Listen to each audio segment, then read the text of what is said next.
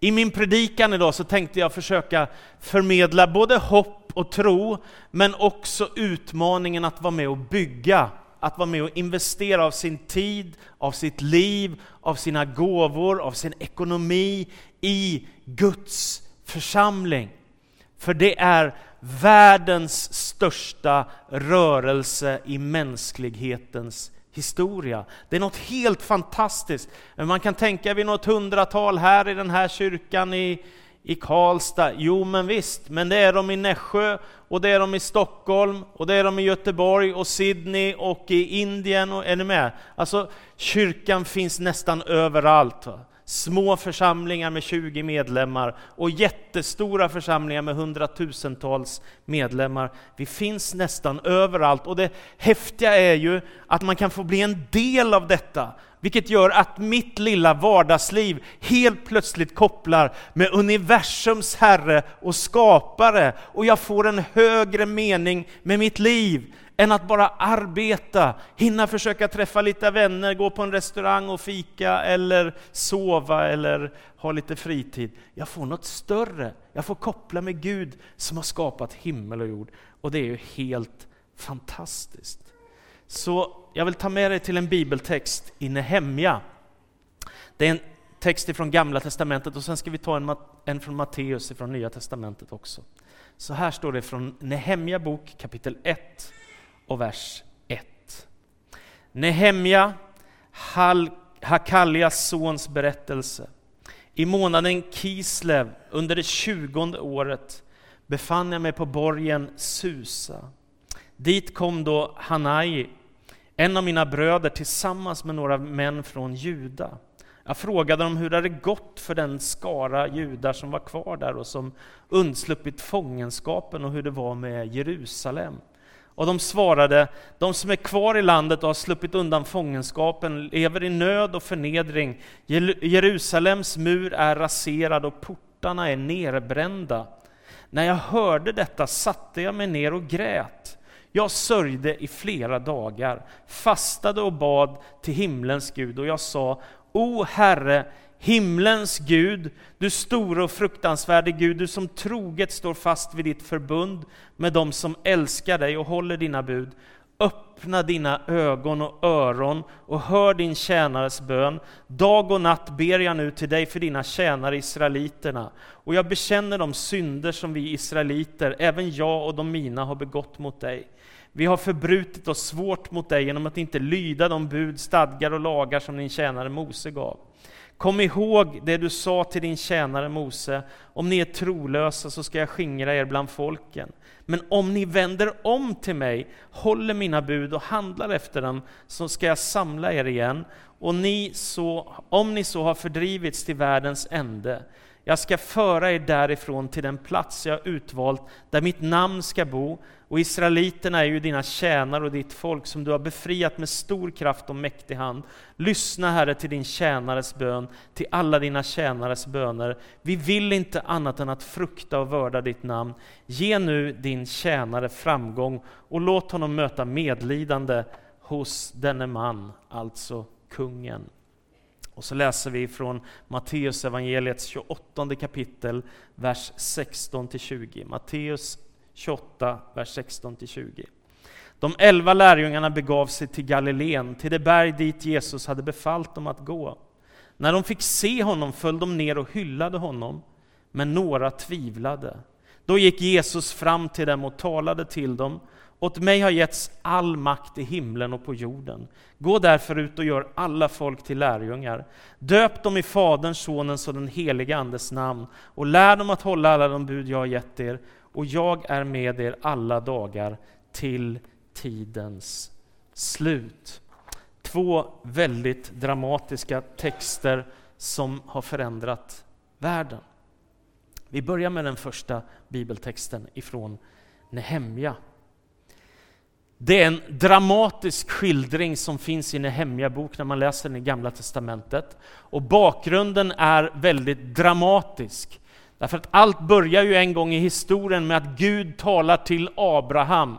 Och jag har stått i Haran i sydöstra Turkiet, nära Syriens gräns, precis på den plats där Gud talar till Abraham. Haran heter det. Och när han gör det så säger du ska gå in till detta land och jag ska välsigna dig. Du ska få en löftesson, du ska bli ett stort folk och ni ska få ett land och du ska bli till välsignelse för alla jordens folk. Där börjar det. Gud börjar om med mänskligheten efter syndafallet, när det gått sönder för människorna, med Abraham. Och så vandrar han mot löfteslandet tillsammans med sin släkt och sin familj. Och så börjar det som sen blir Israels folk. För det är ju hans ättlingar som kommer ifrån honom. Men så händer detta att Israel är ju i löfteslandet.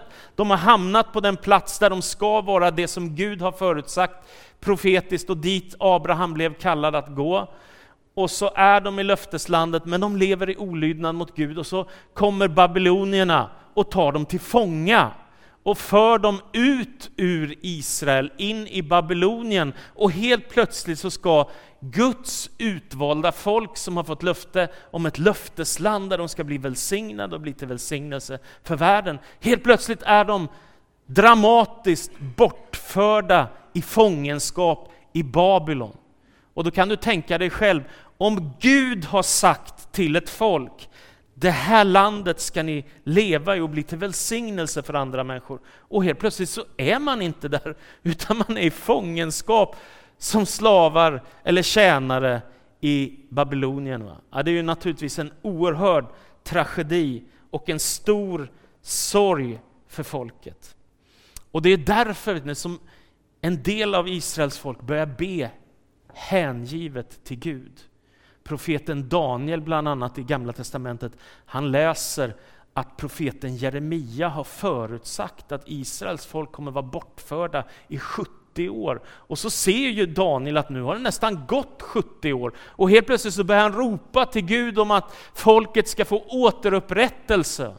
Det är det som är bakgrunden. Och helt plötsligt så börjar det där hända och folk får återvända till Jerusalem och bygga upp templet igen som har blivit nerrivet, det vill säga deras stora helgedom i Jerusalem.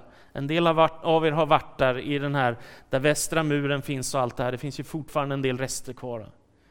Detta stora tempel är nedrivet, men det får byggas upp igen med Zerubabel. Nu får du lite bibelhistoria här.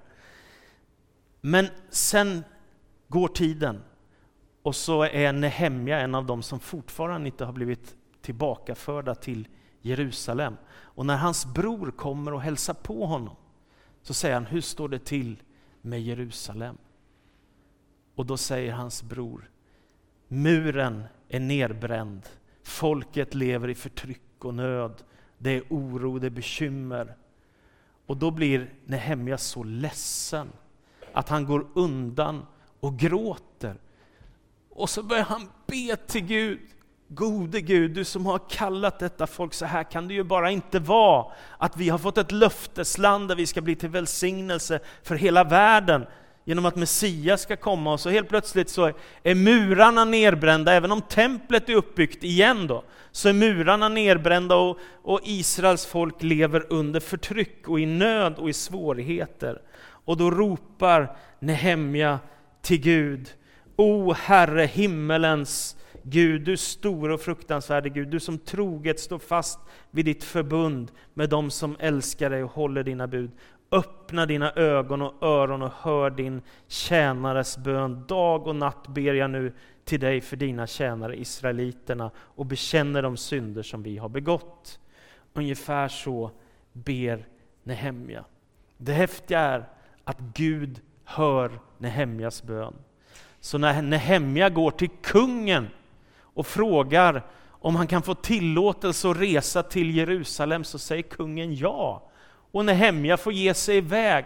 Och om jag nu inte minns alldeles fel så tar det 52 dagar så är hela muren återuppbyggd igen utanför Jerusalem. Alltså det är ett mirakel som sker. Människor bara hänger sig tillsammans med Nehemja för att bygga upp muren igen som har blivit skövlad utav de som har förstört för Israels folk. Det är bakgrunden. Så här är en tid utav återupprättelse. Alltså de blev bortförda bortförda i fångenskap. Nu kommer de tillbaka, den ena efter den andra i stora skaror. Templet är återuppbyggt, muren är återuppbyggd. Och då kan man tänka, nu är vi klara, ungefär som vi. Vi har renoverat jättemycket i den här kyrkan sedan 2017. Vi har en fin kyrksal, en härlig ungdomsvåning, ett fint café, ett kors på taket som är tre meter högt, som lyser på Hamngatan varje kväll, som jag är så tacksam för. Att det är det här livet handlar om. Jesus och hans kors. Hur bra du än får det så är det det som livet handlar om. Men det räcker ju inte med att ha en fin byggnad, eller hur? Det räcker inte med att ha en mur och ett tempel och att allt fungerar igen. Utan det handlar om vad som är själva kärnan och centrum, det som Svante var inne på nyss i sin delgivning. Och vad händer då? Då finns en präst. Prästen heter Esra. Och Esra han har levt kvar i Guds ord. Ni vet, människor har levt under lång tid och inte haft till, tillgång till Guds ordet. De har inte kunnat läsa det som de brukar, de har inte kunnat gå på gudstjänst som de brukar. Helt plötsligt så är det liksom, det är tomt av det här. Va? Är ni med? Och så finns det en som är präst, Esra av Arons släkt, och han har levt kvar i Guds ordet. Därför kan han ställa sig inför hela folket och så börjar han läsa skriften. Och du vet när folket hör vad de har missat, så gråter de allesammans. Det är en väldigt stark andlig väckelse som händer där. Helt plötsligt, från att det här har varit så tyst, va? de har levt i fångenskap som slavar i Babylon och nu helt plötsligt så är templet tillbaka och en präst ställer sig där och talar ett ord som inte bara har med människor att göra, utan ett Guds ord, vilket gör att de får det här stora perspektivet på livet. Och så bryter det ut gråt bland folket, för de förstår vad de har missat. Och så tänker jag om Karlstad och Sverige.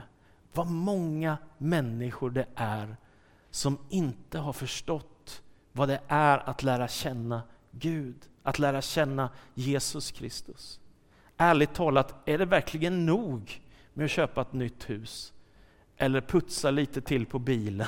Eller, eller få göra en semesterresa? Är det verkligen nog? För mig känns det liksom så här, det är för lite för mig. Jag behöver något mer, jag behöver Gud i mitt liv. Är ni med? Ja, det är ju roligt allt det där, jag har ingen, det är liksom, ingen kritik, utan det är bara, men det räcker ju inte. Livet är en kort sträcka och så är det där som allt livet handlar om. Nej, det är något mer livet handlar om. Och därför tänker jag så här att det här är våran stora, stora utmaning. Vi är inte bortförda i fångenskap.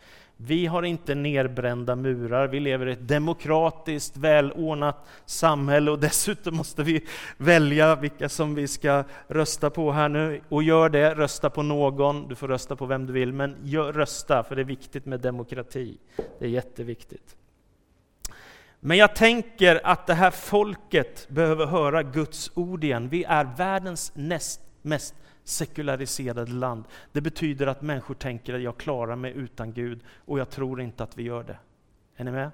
Alltså man kan tänka, jo men jag har ju lite pengar på banken nu eller nu har vi minsann fixat till det bra. Men det är så korta tider det handlar om. Och Jag tänker att livet blir så mycket större när man kopplar med Gud och när man kopplar med Guds ordet. Och därför behövs det både människor som Serubabel som kan bygga upp ett tempel. Det behövs sådana som Nehemja som kan bygga upp en mur och få folket med sig och säga nu, nu kör vi. Och så behövs det också människor som Esra som ägnar dag och natt åt ordet, skriften, bönen, livet, relationen med Gud. Och när allt det där tillsammans fungerar, att man bygger församling tillsammans, då kan det bli otroligt starkt. Om vi ska lösa alla problem med att några få anställda ska göra jobbet, så är det helt omöjligt. Jag kan garantera det. Men vi tillsammans kan göra stor skillnad i den här staden, betyda mycket för människor. Det är jag helt säker på. Och du kanske är en Sarubabel, du kanske är en Nehemja, du kanske är en Esra, du kanske är en människa som Gud kan använda. Och då går vi till Nya Testamentet som ju är lite enklare. Och tyckte du det var svårt nu så har jag i varje fall försökt berätta så enkelt jag kan om en berättelse från Gamla Testamentet. I Matteus evangeliet så får vi svindlande perspektiv. Det är uppenbart att Jesus har oerhört stora anspråk. Det är nämligen inte bara en berättelse om Jesu liv från hans födelse till hans död och uppståndelse. Utan om du läser Matteus evangeliet så går det tillbaka till Abraham. Är du med? Han var son till Abraham som var son till, som var, ja, ni vet, och så räknas en lång släkthistoria upp. Det vill säga, det kopplar tillbaka till ursprunget av vår värld, av det som Gud vill göra när världen har gått sönder. Va? Och det slutar ju inte med att Jesus dör och uppstår, utan det slutar med att han säger, och jag är med er alla dagar in till tidens slut. Är ni med? Oh, vilken, vilken resa Matteus evangeliet tar oss på. Va? Från Abraham till den yttersta dagen i världshistorien. Och i den berättelsen så är Jesus Figuren, huvudnumret i evangeliet. Va? Det är ju världens mest fascinerande berättelse som finns, berättelsen om Jesus Kristus. Kan du visa mig någon berättelse någonstans i någon bok som är i närheten och som har påverkat så många människor så tror jag du får leta länge innan du kommer i närheten. Och när man börjar förstå vad Jesus gör och vad han vill med oss och att hans anspråk är så oerhörda, att han säger att han är den utlovade Messias. För det är det här som är häftigt med, med varför jag pratar om det här löfteslandet, varför är det viktigt? Jo, därför att Gud ger ett löfte till Abraham att han ska få en son, han ska få ett land och han ska bli till välsignelse för alla. Men det är också dit som Messias ska komma, den som Gud har utlovat, så att alla folk på jorden kan få ta emot välsignelse. Är ni med? Så vad är det som händer? Jo, men Nehemja och gänget de får återupprätta det utlovade landet och sen kan han ju komma dit, Messias, Jesus, och födas. Var föds han någonstans? Jo, där profeten Mika har förutsagt många hundra år tidigare, i Betlehem ska en av forntidens dagar, en förste, födas. Och det sa de skriftlärda när Jesus föds. Var ska han födas någonstans? Jo, i Betlehem. Det visste de och det är där Jesus föds. Och det häftiga är ju också att Jesus och hans föräldrar, hans mor och hans styvfar, eller vad man ska säga, Josef, är ju från Nasaret. Så egentligen borde Jesus vara född i Nasaret. Men precis när Maria ska föda så är det dags för skattskrivning och så är de i Betlehem. Och så uppfylls profetian som Mika har förutsagt hundratals år före. Det vill säga, Jesus enligt kristen tro är mittpunkten, inte bara i någon religiös eh, falang, utan i världshistorien. Är ni med? Jesus är centrum utav världshistorien. Det är i honom, genom honom och av honom som livet finns därför att han är Guds son. Och för mig är det så starkt att han har vandrat här i världen med oss för att bli människa, för att göra Gud känd. Så Jesus är Guds son, han är Herren, han är Messias, han är lejonet av Judas stam, han är lammet som har segrat, han är vår kung, han är den som frälser, han är den som döper i helig ande, han är den som välsignar, han är den som ger syndernas förlåtelse, han skänker evigt liv för att han har segrat en gång för alla. Den bästa rubriken på Jesus berättelsen som jag har hört är på engelska. Och det är så här. The greatest story ever told. The greatest story ever told. Den starkaste berättelse som någonsin har berättat. Har berättats. Så tänker jag om evangelierna om Jesus. Det är också då en dramatisk händelse i Matteus evangeliets 28 kapitel, där Jesus kommer efter att han har blivit korsfäst. Det är något oerhört. Det här är helt omöjligt mänskligt sett. Jesus har dött på ett kors. Och Nya Testamentet säger att han gör det för våra synders skull. Men sen händer det ofattbara att på tredje dagen så blåser Gud i himmelen i sin basun och sänder sin ande och uppväcker Kristus ifrån de döda och gör honom levande igen så att han kan stiga ut ur graven livs levande som segrare över dödens makt. Det är ofattbara saker som händer när Jesus uppstår ifrån de döda. Och så kommer han gående och lärjungarna har hört ryktet av några kvinnor som har varit vid graven för att, för att ta hand om Jesu kropp. Så hör de ryktet att han är inte längre där, han lever. Ja, vad händer då? Ja, men då vill de ju möta honom. Och det gör de. Och när de ser att det är Jesus så står det att de föll ner och hyllade honom. Och så står det ofattbara, men några tvivlade. Jag tycker det är så konstigt. Vad är det med oss människor? De ser Jesus uppstånden ifrån de döda, faller ner och hyllar honom, men några tvivlade. Det är väldigt intressant. Vad ska du tvivla på? Vad är det som du tycker inte riktigt funkar här? Vi har just sett att Jesus är uppstånden ifrån de döda och du tvivlar. Vänta lite här nu. Fall ner istället och hylla. Se att det finns en som har segrat. Och Jag tänker också, det här, det här är vår samtid i västvärlden också. Kritiskt tänkande är jättebra. Det lär vi oss på universitet och högskolor och gymnasium också tror jag. Att vi ska tänka kritiskt, det är jättebra. Men du vet att, att, att liksom, som en del människor blir så skeptiska. Va? Som, jag tror det var David Hume jag läste om filosofen när jag hjälpte min son med, med en filosofikurs på Linköpings universitet. Och han var så skeptisk att han blev skeptisk till sin egen skepticism. är ni med? Och det är också min tro. Det, gäller, det, är bra att vara kritisk i sin tanke, man ska få ifrågasätta, ställa frågor och det, det, är inte lätt att få alla svar på livets alla frågor, så det är inte det jag säger någonting om.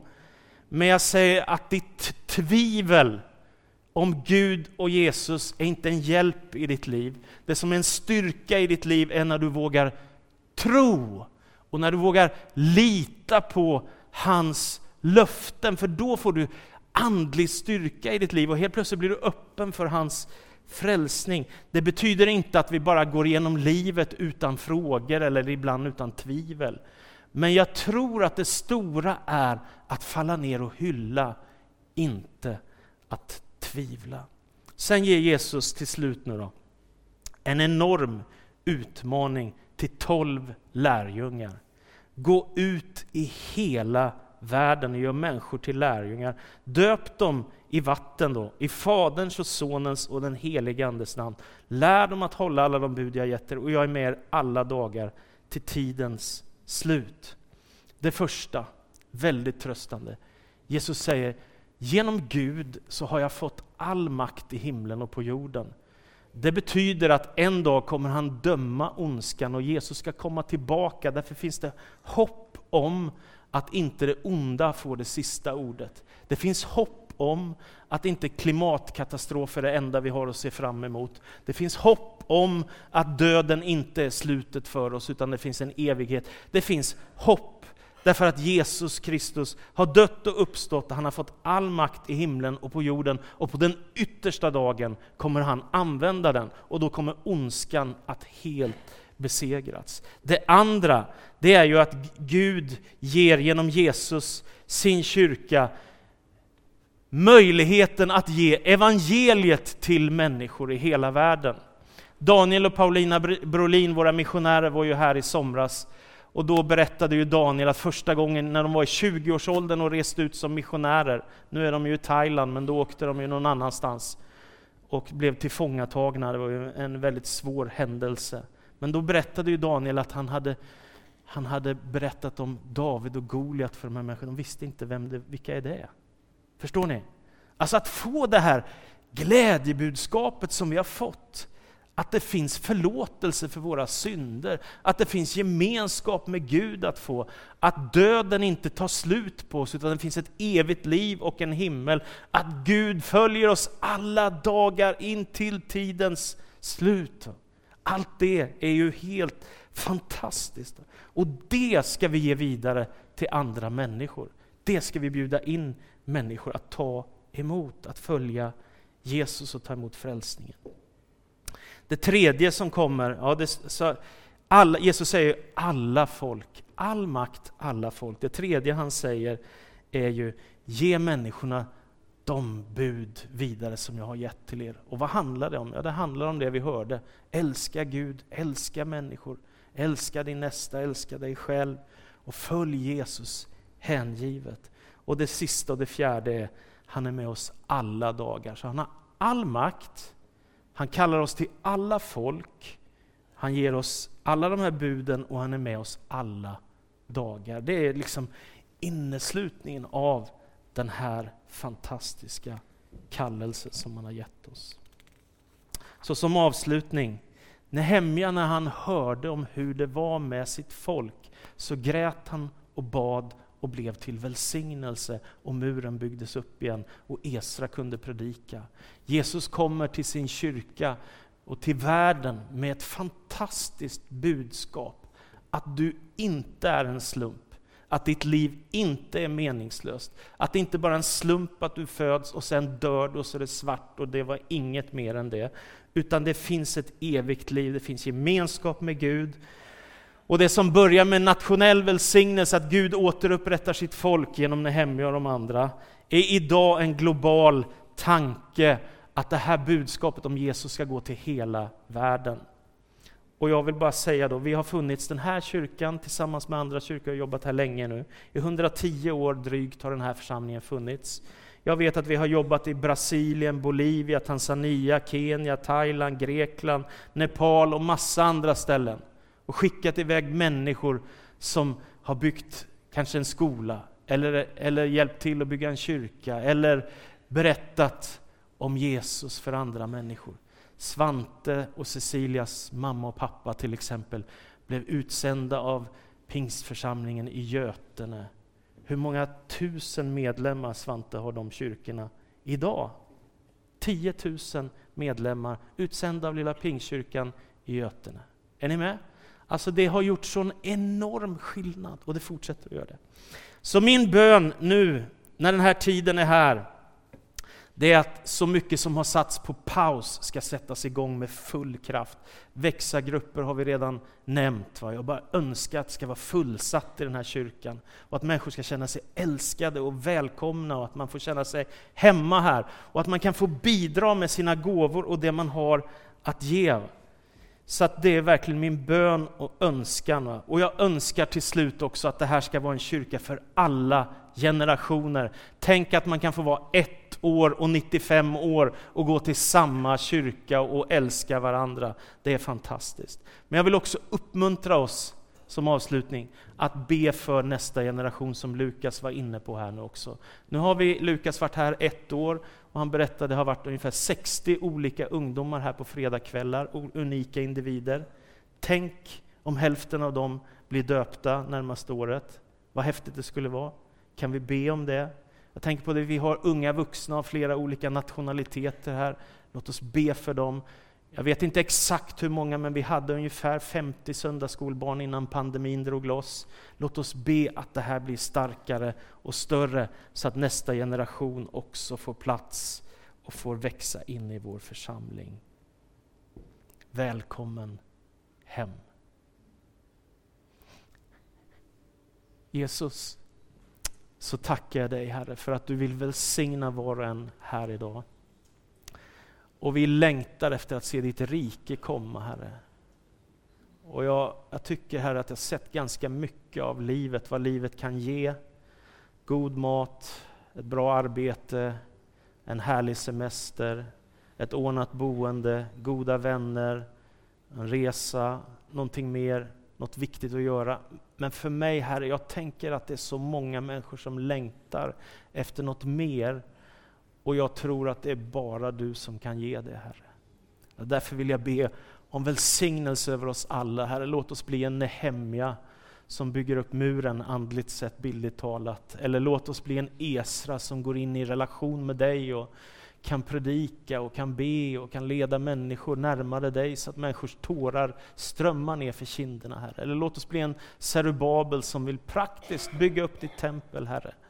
Och vad vi nu kan göra med vår tid, med våra gåvor, vår ekonomi, Herre, så bara ber jag, låt det bli till välsignelse. Jag ber om ett starkt år där många människor ska hitta dig, Jesus. Det är min bön i Jesu namn. Amen.